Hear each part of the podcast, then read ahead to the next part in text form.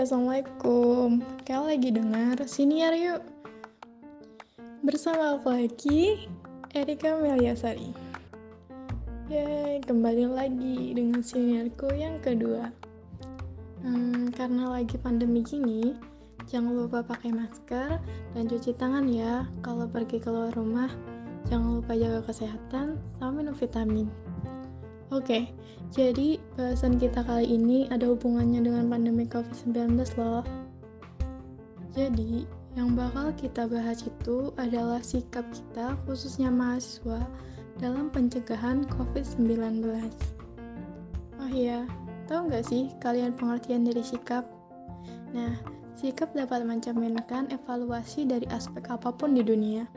Bisa dibilang, sikap membantu kita untuk memahami respon seseorang terhadap stimulus baru atau yang lebih singkat sih arti sikap adalah respon.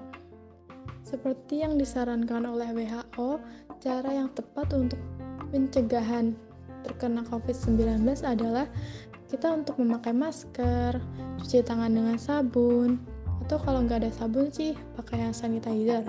Nah, terus jaga jarak minimal 1 meter, terus menghindari tempat-tempat yang ramai itu minum vitamin, berjemur saat pagi hari, serta yang lagi gencar-gencarnya nih, vaksinasi. Nah, menurut aku, selain itu ada beberapa yang bisa kita lakukan loh, apalagi sebagai mahasiswa nih. Yang pertama, kita harus sadar akan adanya COVID-19 ini dan sadar juga tentang bahayanya, terus sadar gimana cara pencegahnya. Karena itu salah satu cara agar kita melindungi diri kita sendiri keluarga, kerabat, dan teman-teman kita. Nah, yang kedua menurut aku adalah kita bisa menggunakan media sosial buat mengajak orang-orang untuk mematuhi protokol kesehatan, lalu kita bisa ikut juga dalam bantu penggalangan donasi, atau kita bisa membantu secara langsung menjadi relawan Satgas COVID-19. Jadi, itu yang menurutku cara pencegahan cerdas dari mahasiswa. Nah, beberapa waktu lalu ada diskusi bareng teman-teman juga nih tentang media sosial itu berpengaruh gak sih terhadap sikap kita tentang COVID-19 ini.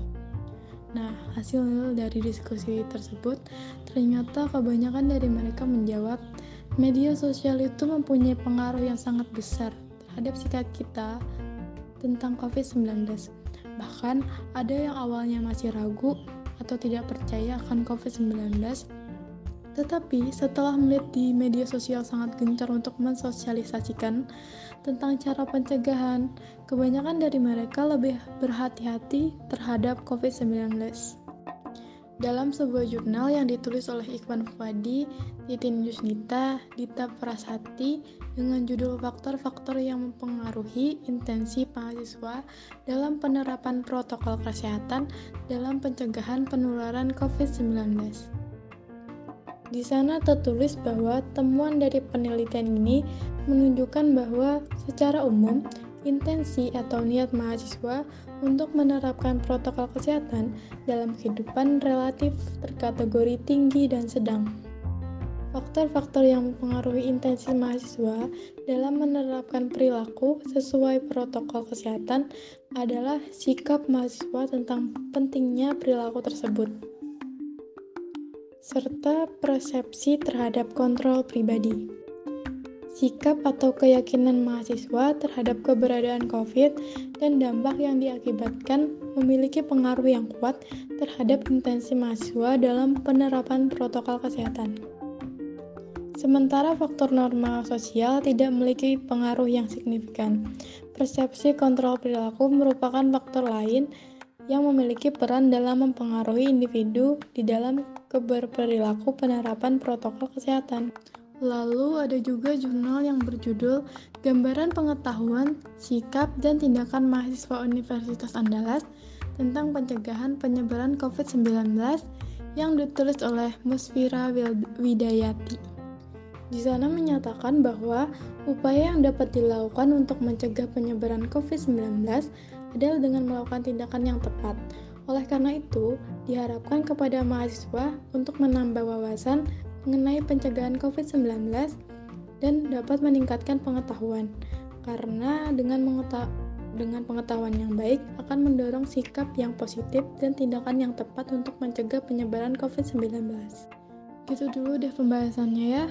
Dan aku selalu berharap semoga pandemi ini cepat berakhir, walaupun virusnya nggak mungkin hilang ya. Tapi semoga aja negara kita bisa seperti negara Singapura.